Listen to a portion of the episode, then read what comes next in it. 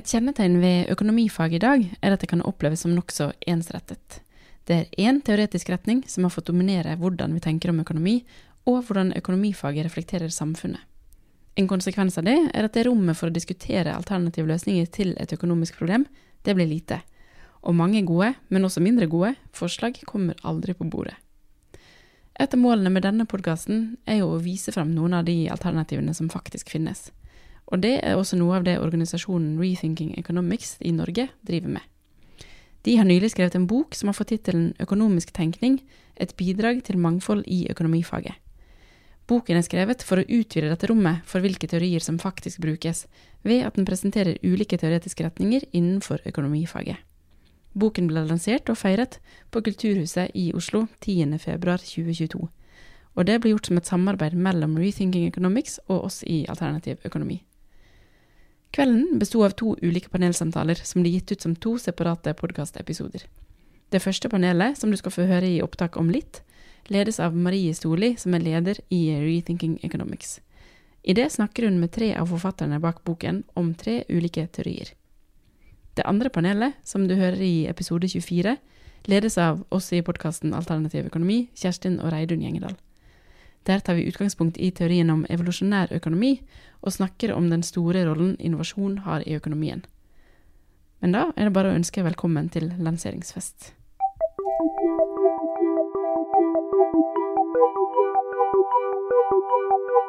There is no alternative. There is no alternative.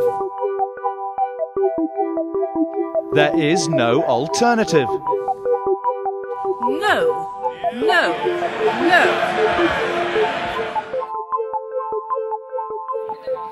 Hei og velkommen til fest for boka 'Økonomisk tenkning bidrag til mangfold i økonomifaget'. Mitt navn er Marie Storli. Jeg er leder i Rethinking Economics Norge. En organisasjon for økonomer, studenter og andre med interesse for økonomifaget. Og Vi er her i dag, har lagd denne boka, holder dette arrangementet fordi at vi har medlemmer. Og Hvis du ikke er medlem, så kan du gå på nettsida vår eh, og finne ut av det. Eller så kan du snakke med Ebba som står her bak, som også kan eh, veilede deg i riktig retning. Men altså, boka 'Økonomisk tenkning' er den første av sitt slag på norsk. Den er skrevet som en innføringsbok for alle som har lyst til å lære mer om det mangfoldet som finnes i økonomifaget.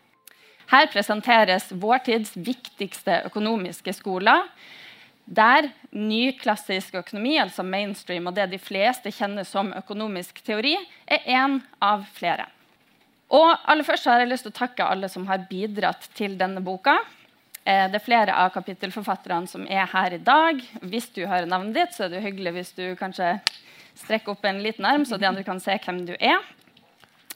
Boka presenterer altså eh, evolusjonær økonomi, et kapittel som er skrevet av Erik Reinert. Eh, feministisk økonomi, eh, dette kapittelet er skrevet av Julie Aslaksen, Margunn Bjørnholt og Charlotte Korn. Kapittelet om institusjonell økonomi er skrevet av Arild Vatn. Marxistisk økonomi skrevet av Anders Ekeland. Eh, Postgenesiansk økonomi og ny monetær teori skrevet av Anton Hellesøy og Torvald Grong Mo. Der. Eh, økologisk økonomi har Tone Smith skrevet et kapittel om. Østerriksk økonomi er presentert av Andreas Hardhaug Olsen.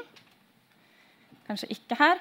Og eh, til sist så har Bent Arne Sæter skrevet et kapittel om mainstream økonomi, altså eh, den nyklassiske kjernen av eh, det mainstream eller dominerende økonomifaget. Så jeg vil også takke redaktørene av boka. Det er da Tone Smith, som skal få si litt mer om arbeidet eh, om boka eh, straks. Og Ebba Boje, som vinka litt her bak fra i sted. Og Bent Arne Sæter, som jeg også nevnte. Eh, gratulerer med bok. Kanskje en liten applaus der.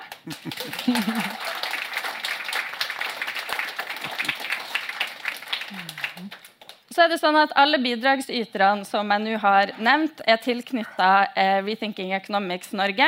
Eh, boka er til salgs her eh, bakerst ved baren. Eh, vil dere se den? Og del av inntekta, altså når du kjøper en bok, så gir du også en eh, liten sum til Rethinking Economics. Så vi håper så mange som mulig vil eh, kjøpe den her i dag. Um, og så skal vi gå i gang med første panel, der vi skal dykke litt inn i feministisk, økologisk og institusjonell økonomisk teori. Når vi har gjort det, så tar vi en liten pause, så man kan strekke på beina, kanskje fylle opp glasset sitt. Eh, og så får vi et panel til. Og her er det podkasten Alternativ økonomi eh, i regi av Kjerstin og Reidun Gjengedal. Eh, som skal gi oss et panel om evolusjonær økonomi og innovasjon. Ved da Erik Reinert, Ellen Stensli og Taran Tune. Så vi håper at eh, dere blir her helt til, eh, ja, til sist.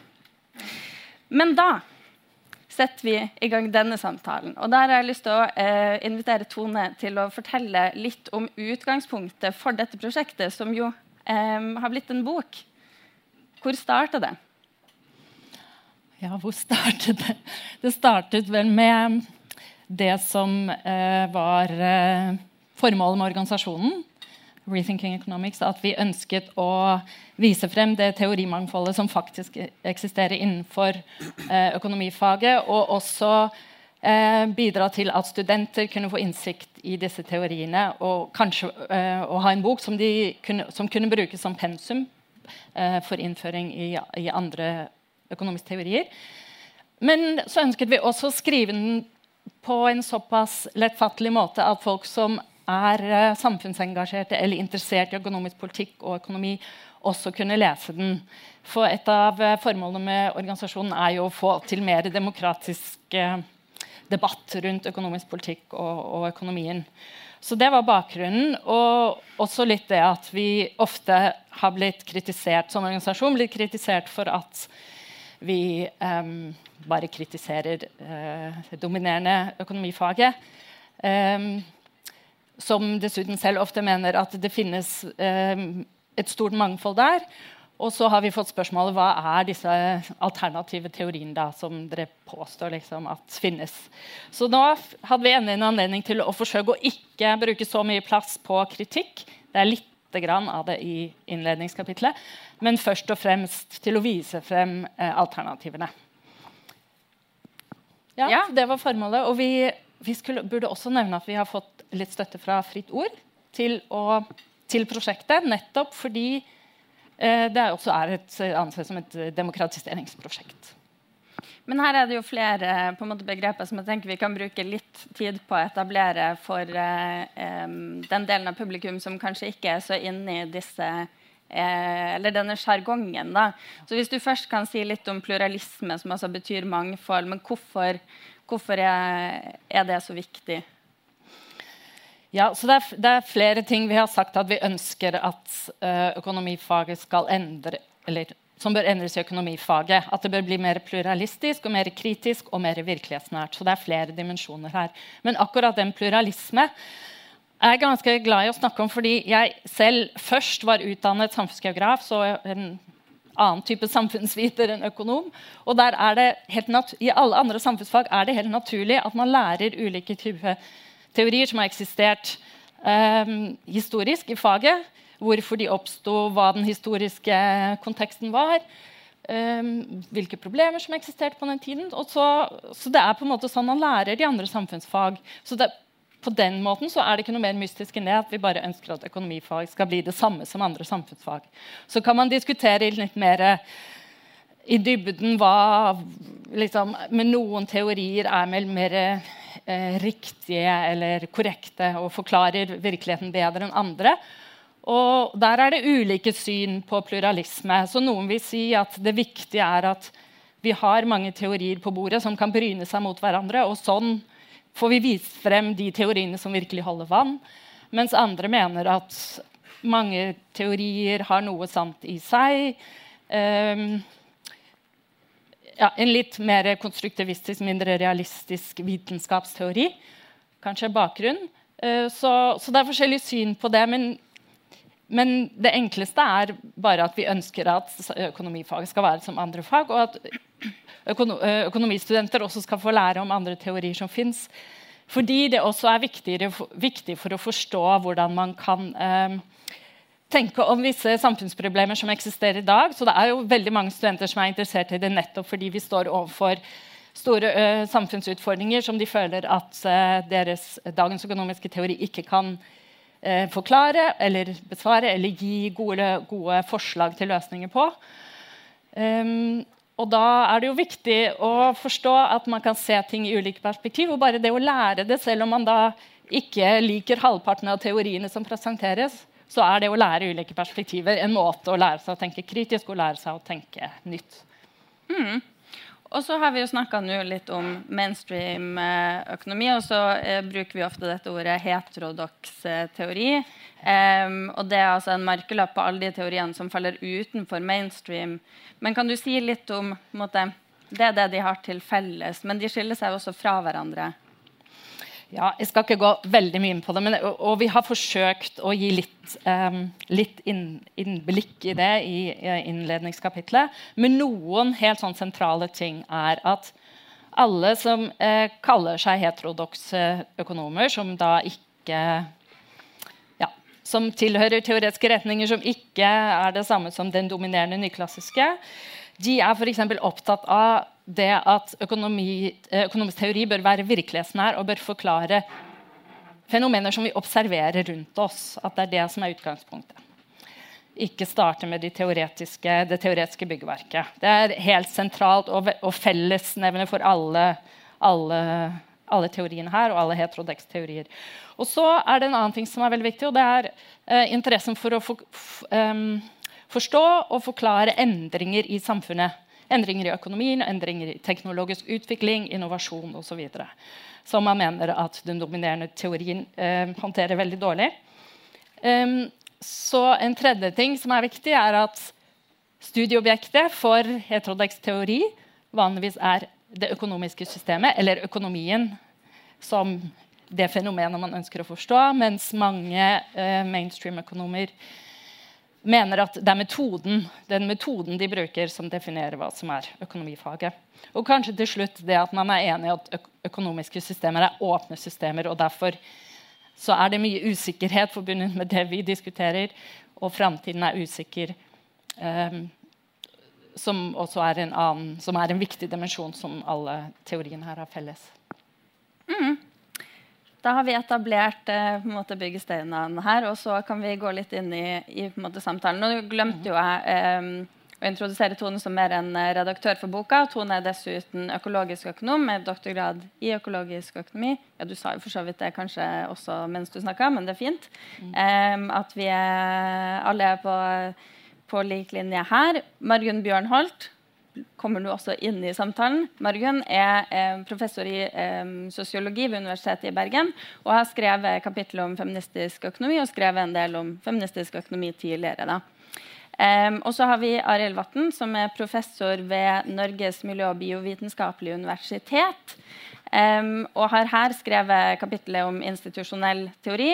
Um, og har også nylig gitt ut en bok som heter 'Bærekraftig økonomi', som benytter institusjonell og økologisk økonomi. Det er en grei måte å si det på? Mm. Ja. Veldig bra. Godt. Um, og da tenkte jeg vi kunne starte litt med feministisk økonomi. Nå skal vi på en måte prøve å sirkle litt og si hva er de viktigste byggesteinene i disse tre eh, skolene. Og så skal vi snakke litt om uh, hva de kan gi oss av innsikt eh, som er relevant for hvordan vi organiserer økonomien vår. Eh, og kanskje også for å løse de utfordringene som vi står oppi. Så da starter vi med feministisk teori, eh, som er en av de teoriene som eh, vokser ut av en, si, en, feministisk kritikk av det etablerte økonomifaget. Eh, og hva er det på en måte som er utgangspunktet for denne kritikken?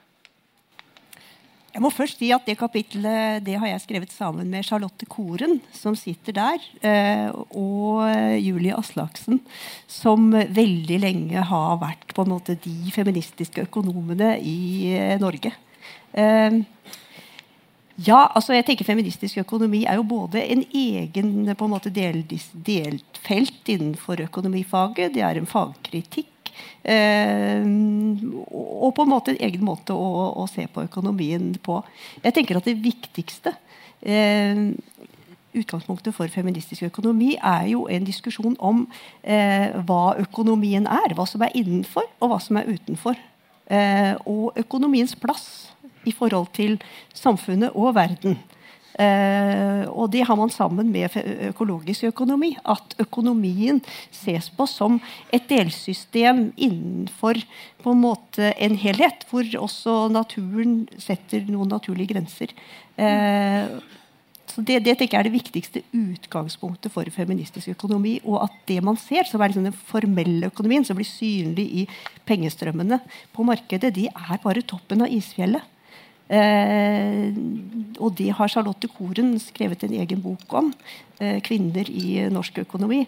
Eh, som viser hvordan en veldig stor del av økonomien skjer utenfor markedet i form av aktiviteter som skaper nyttige verdier og produkter som man trenger og har glede av. Som ikke blir synlige på markedet. Og det tenker jeg i feministisk økonomi at mye av aktiviteten som bidrar til de verdiene som til sammen skapes, de skjer utenfor markedet.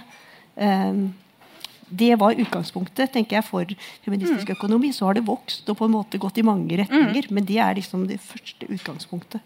Mm. Kjempeviktig. Mm. Mens mainstream-økonomi da er veldig opptatt av dette markedet og det som foregår der. Og målet på mange måter er da økt velstand, eller noen ganger så avleder man det som økt produksjon, men i hvert fall økning i, i menneskelig eh, velstand. da. Eh, men hva er målet for feministisk økonomi? hvis man skal si ja. det litt sånn enkelt? Jo, jo, jeg tenker at Det springer jo ut av da, hvis man ser på det er nytteverdien ved det som produseres, eh, som, som, eh, som er viktig. Så er ikke målet Det er ikke økonomisk velstand, det er velferd velvære, gode liv for menneskene. Det er det å eh, produsere mennesker og samfunn. Det er det som er målet med økonomien. Eh, ikke økonomien i seg selv og den økonomiske, synlige verdiskapingen. Mm. Så det er det sosiale. Det er det å holde sivilisasjonen oppe. Mm. Mm. Um, og så vender vi blikket litt mot den institusjonelle skolen, som er jo en av de skolene med, med lange røtter, og som også oppstår som en slags reaksjon på utviklinga i en nyklassisk eh, økonomi, og spesielt da denne menneskemodellen som, eh, som, etableres der, som man kanskje har hørt om som homo economicus, altså en aktør som eh, bryr seg om seg sjøl, Um, og til enhver tid jobbe for å tilfredsstille eller maksimere sin nytte. Da, tilfredsstille mest mulig sine behov. Uh, men hvordan er atferdsmodellen uh, Hvordan skiller den seg uh, ja. i institusjonell teori fra denne homo economicus? Jeg kan bare begynne med å si at Det er en norsk-amerikaner som kanskje noen av, eller kanskje alle kjenner til, Torstein Veblen, som på en måte er eh, den første institusjonelle økonomen. Eh, og som på en måte reagerte på dette menneskebildet, som da utvikla seg dette i slutten av 1800-tallet og tidlig 1900-tall. Når nyklassisk teori, altså det som vi kaller økonomi, blir et fag og får definert det på en måte eh, antakelser, da, som f.eks. egoisme og, og rasjonell atferd som å maksimere egennytte. Og dette observerte han at stemte dårlig med det han så rundt seg. Uh, jeg skal si litt om det, men jeg skal, før jeg gjør det, så kanskje det ordet institusjon burde forklares. Fordi vi har så mange ulike måter å bruke det ordet på. Uh, noen bruker det synes, uh, ensbetydende med organisasjoner. I den tradisjonen som jeg står i, i alle fall, så ser vi på institusjoner du kan si som regler. Og det er liksom regler i en ganske vid forståelse. Det er på en måte det vi gjør som mennesker som lager systemer så vi kan samhandle. Så vi kan interagere med hverandre. Normer, eiendomsregler, andre rettigheter, beslutningsregler. Alt det her er altså institusjoner. Markedet kan du også si da er en institusjon som består av en rekke rettigheter og regler. Eh, når det gjelder atferdsmodell, altså hvordan vi oppfatter at vi er som mennesker fra det perspektivet som institusjonell teori, økonomisk teori snakker om, så er det kanskje to ting jeg vil framheve. Det ene er at vi, preferansene våre, altså det vi er ute etter, det er i stor grad samfunnspåvirka. Mens økonomi i nyklassisk betydning ser på preferansene våre som innenfra gitt. altså Teknisk blir det sagt at de er eksogene til modellen. Men i praksis betyr det at de altså ikke blir sosialt påvirka. Så vil en institusjonell økonom si at det som er helt dominerende for oss som art, er at vi lærer av hverandre, og vi lærer preferanser av hverandre. Og Det ser vi jo bare ved å kikke på kulturer, hvor forskjellig det er. Eller når vi, eh, vi på en måte adopterer barn fra andre verdenshjørner. De kommer til Norge, og de blir, de blir våre preferanser. ikke sant? Så Det er det ene, at, at, vi er ikke dette atomet som hele økonomisk teori baserer seg på som et slags sånn fundament. Det andre er jo at vi også har ganske store kapasiteter. Ikke kanskje til å maksimere, men vi kan operere langs mange forskjellige logikker. Så én ting er at vi er opptatt av å maksimere egennytte. Jeg tror i alle fall egennytte og egoisme er et viktig element. Det må vi ikke skyve under teppet. Men vi kan også være sosialt rasjonelle. Altså Vi kan operere til fordel for gruppen eller operere til fordel for andre. Dvs. Si altruisme. Og Der har vi en slags kapasitet som blir undervurdert når du bruker en økonomisk modell som må forklare alt sammen ut fra egeninteresse. Og Her taper vi mye i, i samfunnskraft hvis vi, hvis vi hele tida forstår at det er snevre egeninteresser som driver. Ja, i noen institusjonelle kontekster. Foretak som må drive ut fra hva eierne krever. I markedet, ja. Men så kan du tenke på lokalsamfunn, familie. Du kan tenke på de situasjonene vi er i hvor vi føler at vi må ta hensyn til andre vel så mye som vi må ta hensyn til oss sjøl. Ja, Nå kommer du jo litt inn på det, der, for så vidt, men jeg tenkte å spørre videre hva slags konsekvenser for dette for den økonomiske analysen. Fordi at Mye av det her er jo på en måte sunn fornuft om hvordan mennesker Ja, det er sunn fornuft. Det er bra du sier det. Ja, ja, men altså, De fleste studentene mine når jeg foreleser dette, sier ja, men sånn er det jo. Og så blir de sjokkerte når jeg forteller at det er ikke sånn økonomisk teori tenker om mennesket. Og, og det er jo litt spennende og interessant å observere. men La meg gjøre tre veldig korte, for jeg var lang i den første. skal jeg være kjapp nå. Hva er essensen i en økonomisk analyse? Jo, det er å finne det som er mest effektivt. ikke sant? Og Det er en slags kalkyle av nytter og kostnader med forskjellige ting vi gjør. På samme måte som du tenker at I et marked så gjør vi det som betaler seg for oss. Så kan du tenke en samfunnsøkonomisk analyse kan finne det som betaler seg for samfunnet. Men men det, og da er markedet referansen. ikke sant? Og vi finner prisene, og vi prøver å kalkulere ut hva som gir størst netto nytte. Men de prisene der de er jo avgjort av de preferansene vi har. Og som jeg sa i sted, Preferansene de er i stor grad en refleks av samfunnet. I veldig stor grad nå en refleks av markedet sjøl. Slik at det betyr at vi har ikke noe fastpunkt lenger. Dette atomet som man på en måte skal legitimere samfunnsøkonomiske analysen i, det er et flytende objekt som er avhengig av institusjon marked, hvordan du blir. Så du får et slags sånn sirkelresonnement. Mm. Så influenserne som vi har rundt omkring, bare tenk på hvor stor makt de har i å påvirke etterspørselen. Men når det kommer i en samfunnsøkonomisk analyse, så er det kun hva vi kjøper, som avgjør. Det er det første. Det andre spørsmålet er hvorfor skal vi bruke oss som forbrukere når vi skal ta samfunnsmessige spørsmål? Jeg har snakka om egoisme og jeg har om samfunnsansvar. Vi har forbrukeren versus borgeren. Kanskje skulle samfunnsøkonomiske analyser eller samfunnsmessige analyser ta utgangspunkt i preferansene til borgeren og ikke til eh, forbrukeren. Og Det tredje punktet eh, det knytter seg jo til at jeg sa at preferansene våre er viktige, men det er også sånn at du må ha evnen til å kjøpe. Og rettighetene i et samfunn, som er veldig viktige sånne institusjonelle ting. Da. Hvem eier, og hvem eier ikke. Hvem kan skaffe seg stor og liten inntekt gitt disse reglene. Det betyr noe for betalingsevnen. Og det får også da stor betydning. Dette er økonomer klar over. Mm. Men de sier at dette er et politisk spørsmål som vi ikke rører ved. Men problemet er at når du deler opp problemene sånn i sekvens, og politikerne er så i lomma på de økonomiske aktørene, som de dessverre er, det kanskje vi kommer tilbake til, så vil du jo også der få et slags sånn der, eh, sirkelproblematikk som økonomer ikke vil inn i, av hensyn til at de skal ikke være verdibaserte. Men dere skjønner med en gang at det er mye verdibasert i å gjøre en effektivitetsanalyse. Sånn som det blir gjort. Det er så absolutt. Um, og mens, eh, mens, dette her handler mer om menneskets natur, så skal vi nå inn i økologisk økonomi, som eh, tar utgangspunkt altså i forholdet mellom økonomi og natur. Hvordan ser det ut for en økonomisk teori? Ja, Økologisk økonomi er jo opptatt av at økonomiens mest grunnleggende struktur og mekanisme er det vi ofte sier biofysisk. Det er kanskje egentlig et engelsk eh, anglisisme. Ordet biofysisk betyr egentlig bare at eh, det er naturen, som, eh, som er, ligger under de økonomiske prosessene. Så biologi, kjemi, fysikk, biofysisk. Um, og, og uh, man er opptatt av at naturens uavhengige lover setter grenser for økonomien og økonomiens størrelse og, og hva vi kan gjøre innenfor økonomien. Eh, og også at eh, samfunnet og økonomien er avhengig av naturen. Så mens naturen er, naturens lover er gitt, så er samfunnet og økonomien konstruert, sosialt konstruert. Um, og kan endres på, men vi kan ikke endre de, de ytre betingelsene for økonomien.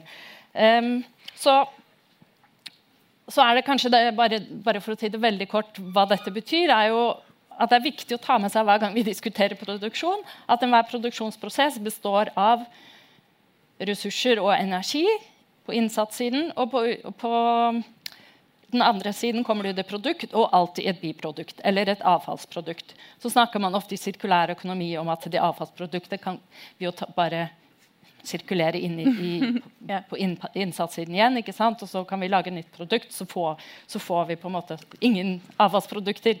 Men det, det, biproduktet vil jo også, når det brukes i en produksjonsprosess, generere et avfallsprodukt. For det, litt sånn Enkelt sagt så er det sånn at eh, energi og stoffer de kan ikke skapes, de kan bare omformes. Så det er ikke sånn at noe oppstår eller forsvinner, det omformes, og det vil alltid være et restprodukt. Og det er veldig viktig å, å, ha dette i mente når vi diskuterer alle sånne ting som det grønne skiftet og, og fornybar energi osv. Og, og det utelates ofte. Jeg tror vi skal komme litt tilbake til det senere. Men det er liksom kjernen her.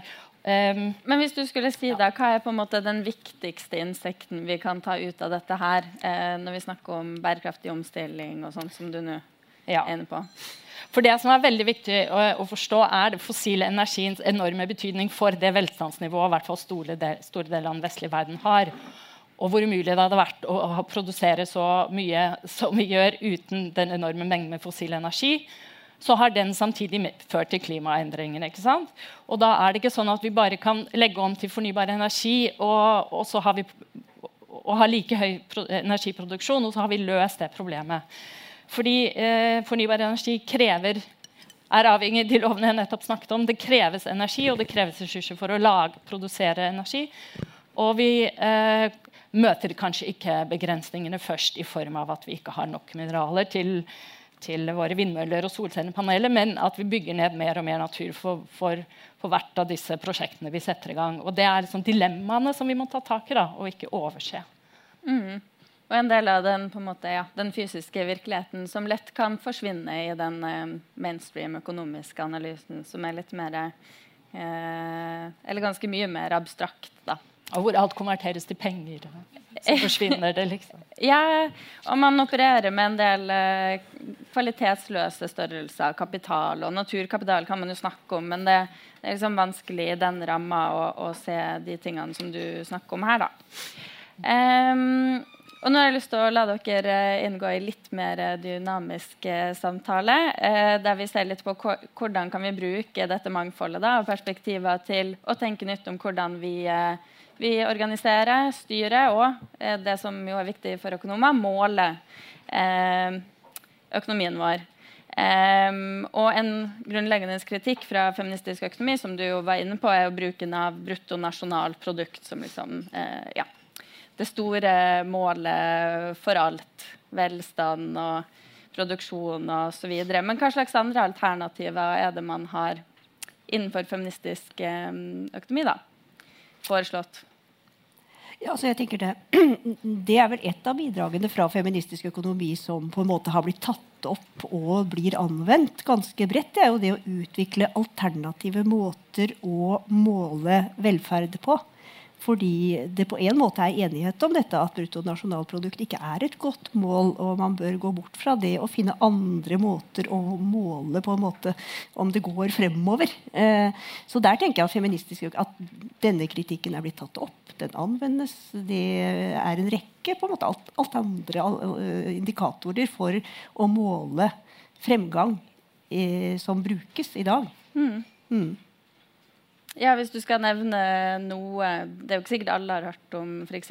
well-being economy. Men Nei, men det er jo det, den typen indikatorer. Sånn well-being indexes og Ja. Mm. eh, Som tar for seg å, å måle velstand på eh, en måte som eh, befatter seg med mer enn penger. Da, fordi Ja, og hvor man mer prøver å komme nærmere og måle på en måte hva, hva, hvordan, hva blir konsekvensen for folk eh, av, av eh, det som skjer i, i, i økonomien. Og Et av problemene med bruttonasjonalproduktet er at den kan jo måle ting som egentlig er veldig dårlig. Eh, telle opp på en måte pengeverdien av de, og så ser det ut som det er bra. Eh, et av de klassiske eksemplene fra feministisk økonomi og dette med morsmelkserstatning og Nestlé. Eh, at når, eh, når, da, når kvinner slutter å amme og begynner å kjøpe pulver og gi barna sine pulver i stedet, så ser det ut som økonomien vokser. Eh, samtidig så vet vi at fra et helseperspektiv så er dette katastrofalt i et land hvor du ikke har tilgang på eh, rent vann, og hvor folk kanskje ikke kan lese og skrive og derfor ikke måler opp dette pulveret riktig, og barna får på en måte fortynnet melk og ikke vokser og dør av infeksjoner. Ja, Veldig dårlig på alle måter. Eh, Så det er et klassisk eksempel. Så det å heller på en måte se på spedbarnsdødeligheten, mødredødeligheten, sånne ting som på en måte hva skjer der inne, ute i virkeligheten, kan være et bedre mål på om det går bra med det landet, enn om BNP vokser. Absolutt. Em, og økologisk økonomi er jo enig i denne kritik, eller deler kritikken av bruken av bruttonasjonalprodukt, da, men, men har kanskje en litt annen, eh, et litt annet forhold til det. Ja, jeg tenker at det er litt annerledes. fordi Til dels så mener jo økologiske økonomer at, eller har vist at eh, veksten i BNP heng, empirisk sett henger eh, ofte sammen med veksten i energi- og ressursforbruk. Så på en måte er det jo også et mål en slags proxymål for, for eh, miljøbelastning. Så sånn sett så er ikke BNP helt irrelevant for noe som er negativt. Men eh, samtidig så er det jo også sånn at eh, jeg tror mange økologiske økonomer ikke bare mener at vi kan velge oss et annet mål, og så, og så liksom vil dynamikken i økonomien nødvendigvis endre seg. Så vi kan ikke bare nødvendigvis se bort fra BNP. Så det er, det er relevant for hvordan den type økonomiske system vi har i dag. Eh, hva vil skje med arbeidsplasser sånn, hvis den økonomien ikke, eh, ikke vokser litt, grann, i hvert fall. Eller hvis vi har nedgangstider, så går det dårlig med arbeidsplasser. Det er jo den klassiske tingen man ser. Så ikke, sånn sett så er ikke økonomiens vekst irrelevant i det gitte systemet vi har. og Derfor er det mange økologiske økonomer, siden vi ofte er kritiske til økonomisk vekst fordi det henger sammen med miljøbelastning, som mener at vi trenger en annen type dynamikk, eller andre institusjoner da, som kan gi en annen dynamikk i økonomien. Så det er flere sider med dette med, BNP, men også bare at man eh, er opptatt av som mål for samfunnet er bærekraft og, og, et godt liv. Og det kan være et godt liv kan være et godt liv med, med moderate midler. Man må ikke optimalisere eh, velferden hele tiden. Mm. Fordi Vi var jo litt inne på det innledningsvis, men i mainstream-økonomi så er altså mer alltid bedre. Eh, og så er det jo en kritikk fra økologisk økonomi her om at eh, mer kanskje ikke alltid er bedre likevel. I hvert fall noen typer mer eh, kan være dårlig. Eh, men er det mulig å tenke seg eh, et økonomifag eller en eh, økonomisk analyse som, som skiller mellom da, på en måte disse ønskene ønsket om mer, men også det som er absolutte behov? Og det har man jo for så vidt begreper for i feministisk og økologisk økonomi. Ja? Nå- nå bare slå dere på meg. ja, ja, det var fordi jeg hang igjen i det forrige spørsmålet. For jeg tenkte Der sitter jo Charlotte Koren, og hun jeg bare tenker Hun har jo vist at uh, dette med BNP At på en måte så er jo de vekstratene som vi har observert på en måte i den vestlige verden over tid, det kan også være en form for målefeil. Ja, Altså, for Charlotte har vist at eh, mye av dette eh, som så ut som vekst i Norge og vestlige verden i etterkrigstiden, det skyldes en overgang fra husholdsøkonomi til markedsøkonomi som tilsvarer den forrige store hamskiftet som vi så, hvor mye av den økonomien som før skjedde usynlig og til eget forbruk, ble flyttet over i den formelle økonomien og dermed ble synlig i pengestrømmer. Og at en god del av det som man målte som vekst i BNP, skyldtes denne overgangen ikke sant, fra subsistensproduksjon til, eh, til formell produksjon. Så, så, det betyr ikke sant, at ja, det, det, det er en viktig teoretisk eh, kritikk. Mm. Har du eh, lyst til å, å, si noe om ja, jeg har lyst til å si noe om ja. det. Og, og Arild har sikkert også noe å si. Ja, um, det som, det som, jo etter hvert eh, det er mye fokus på, er eh, hvordan vi kan skille mellom nytte som er eh, et sånn generelt begrep i mainstream-økonomi. Eh, mens økologiske økonomer sier vi må kunne skille mellom hva som er behov, reelle eller basisbehov, og hva som ikke er så viktige behov, eller som er eh, begjær eller bare lyster. ikke sant? Og også for eksempel, Man kan jo bare se det i, i, i sånn offentlig ordskifte, hvordan man snakker for om verdens energibehov. Det er jo ikke nødvendigvis grunnleggende energibehov vi snakker om når vi bruker det begrepet. Det bare brukes helt synonymt med etterspørsel etter energi.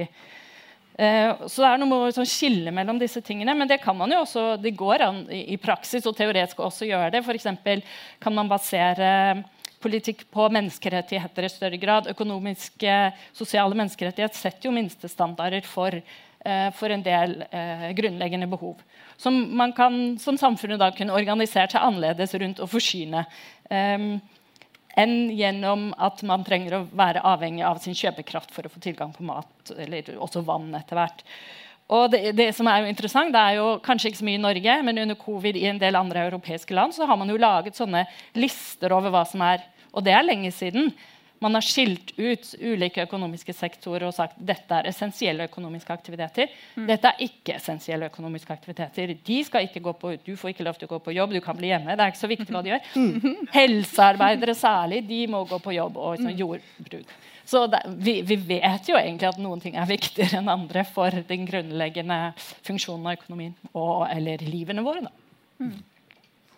Ja, altså, Det er jo mange nivåer i dette. ikke sant? Sånn at, eh, jeg syns det er spennende å sitte og høre. Men for å legge til noen sånne institusjonelle poenger da, så er det klart at, eh, Og jeg tror jeg kan holde meg til miljø, for jeg tror det er et veldig altså, Natur- og klimakrisen er hos oss, og den er veldig stor. Og vi ser at vi har systemer som ikke evner å takle dem. Vi bruker fryktelig lang tid på å ta beslutninger. Og vi, vi, ofte, vi kommer ofte ikke fram til beslutninger som er gode. Og da må man tenke på er det noe feil med beslutningssystemene. Og Jeg tror du kan si at altså jeg prøvde å antyde i forrige innlegg at de som sitter og fatter beslutninger, altså politikerne, de har skaffa seg veldig lite handlingsrom. De har spilt ifra seg veldig mye handlingsrom ved å tro på f.eks. frihandel, som innebærer at man har låst armene. Og Det innebærer også at man på en måte seg, liksom, du blir på en måte fanga av de økonomiske strukturene og prosessene. Og man tør ikke ta grep fordi man er redd for å få arbeidsløshet og få sosial uro. Eh, veldig kort tre ting man kunne tenke seg å gjøre. Det ene er å, å begynne å jobbe med, med, at man får engasjert befolkningen i beslutningsprosesser i større grad. Og Istedenfor å si at du lager en nyttig kostnadsanalyse eller lager et ekspertutvalg, så kan man altså engasjere befolkningen i å gi råd. Det fins metoder for dette. De kalles på litt fint deliberative metoder, men det, det, betyr egentlig at vi bare setter oss ned, lar oss bli informert om problemet, og så prøver vi å resonnere oss fram til hva bør vi gjøre. Og det her er en sånn type mobilisering av befolkningen som jeg tror er helt nødvendig for å klare miljø- og klimakrisen. Det andre er jo at vi må begynne å se etter hvordan vi organiserer næringslivet. Hvilke interesser er det den tjener? Og Ellen Stensli sitter her. Hun jobber med det doktorgraden sin, som handler om eh, du kan si sosiale eller miljøorienterte bedrifter som opererer etter andre logikker. Det kommer noen etter hvert. Så faktisk synes det å tjene penger er ikke så viktig lenger. Det er andre ting som du skal gjøre. Og Det betyr at du får inn en sånn type sosial rasjonalitet i bedriftslivet som jeg tror er ganske nødvendig. Det er ikke lett, for der sitter det veldig mange som skal verne om kapitalen sin. Det er en kjempeutfordring, men det fins andre institusjonelle løsninger. Til slutt, Beslutninger på samfunnsnivå blir jo tatt av parlament eller av Stortinget og av regjering. De er ofte veldig kortsiktige. Og det er, liksom, Du kan tenke fireårssykluser, men hvorfor ikke tenke alternativer? Det har vi jo predikert et års tid eller to nå at vi burde ha et, et hus til i Stortinget. Et bærekraftens hus. Hvor folk kanskje velges over lengre tid, men de har et mandat om å fremme bærekraft. Og de har vetorett i visse eh, sammenhenger mot det som fattes som beslutningen i det ordinære Stortinget. På den måten så bringer du fram både en offentlig debatt om bærekraft, og du bringer fram en relasjon mellom politikere som har mer kortsiktige og mer langsiktige hensyn å ta. Og Det er sånne grep som jeg ser for meg som veldig sentrale for å komme ut av de typene kriser vi er i. Og det er kanskje ikke så rart at alle de forslagene jeg kom med, var institusjonelle. Hadde du en kommentar til det? Nei. Da eh, hadde vi egentlig hatt lyst til å fortsette denne samtalen inn i evigheten, men eh, det kan vi ikke, eh, og vi skal ta en liten pause. Så jeg har tenkt å gi dere muligheten til å bare gi en liten replikk til slutt. Og kanskje si litt om hva vil dere, hvis man skal gå herfra med én liten innsikt fra det perspektivet som du presenterer her, hva skulle det vært? Ja, jeg tenker at det skulle vært at eh, Målet med meningen, med livet, med det hele, med økonomien, det er folk. Altså, og, og, det tenker jeg er helt sentralt i, i, i feministisk økonomi. Uh, og det så vi. Det, det, det, jeg tenker Da, vi, da koronakrisa traff, og plutselig så stenger hele samfunnet Man stenger ned hele økonomien. Uh, og sender alle finansmeglerne de kan sitte hjemme på kontorene sine, for de er ikke så essensielle. Mens det er altså sykepleierne og renholderne. Ja, det er dem som holder det hele i gang. Så tenkte jeg, var, da tenkte jeg nå må jo alle, altså alle tenkte, nå må jo folk se det. Altså Hva som er det virkelig viktige her, det er jo å redde liv og de folka som jobber nærmest det.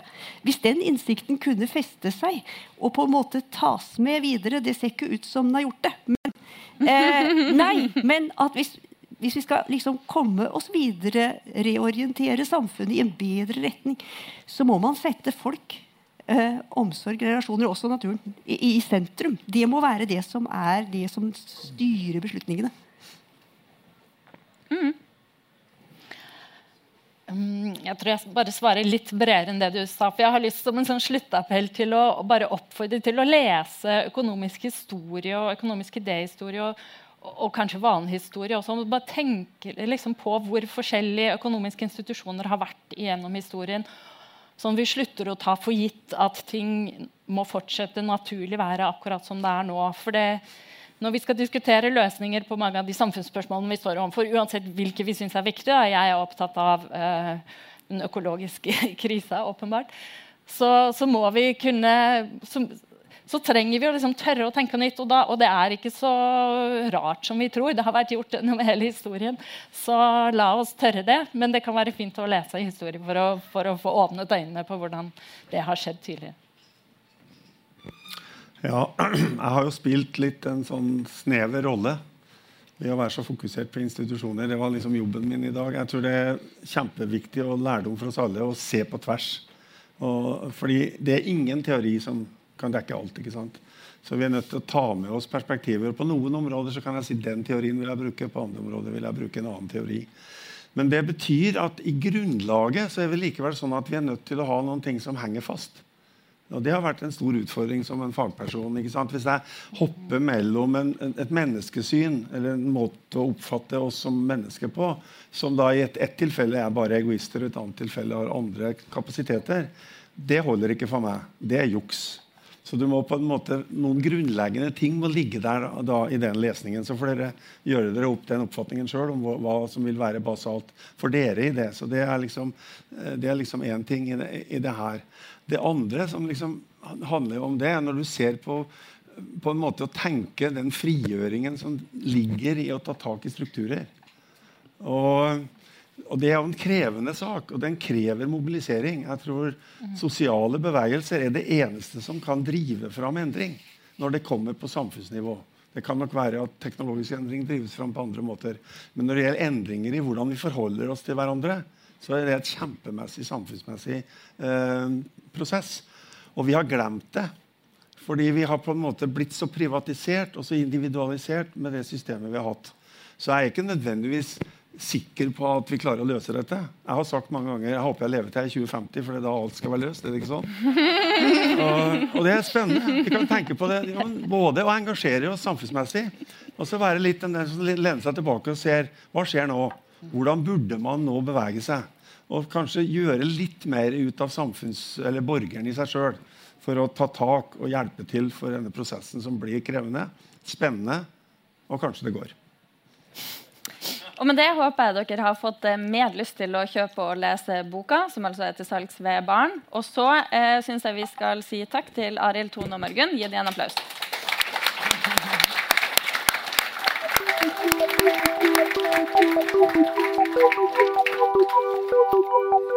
There is no alternative. There is no alternative. There is no alternative. No. No. No. I podkastserien Alternativ økonomi leter vi etter økonomiske løsninger som kan være med på å skape en bedre verden. Nye episoder publiseres én gang i måneden. Du finner mer informasjon på nettsiden vår alternativøkonomi.no.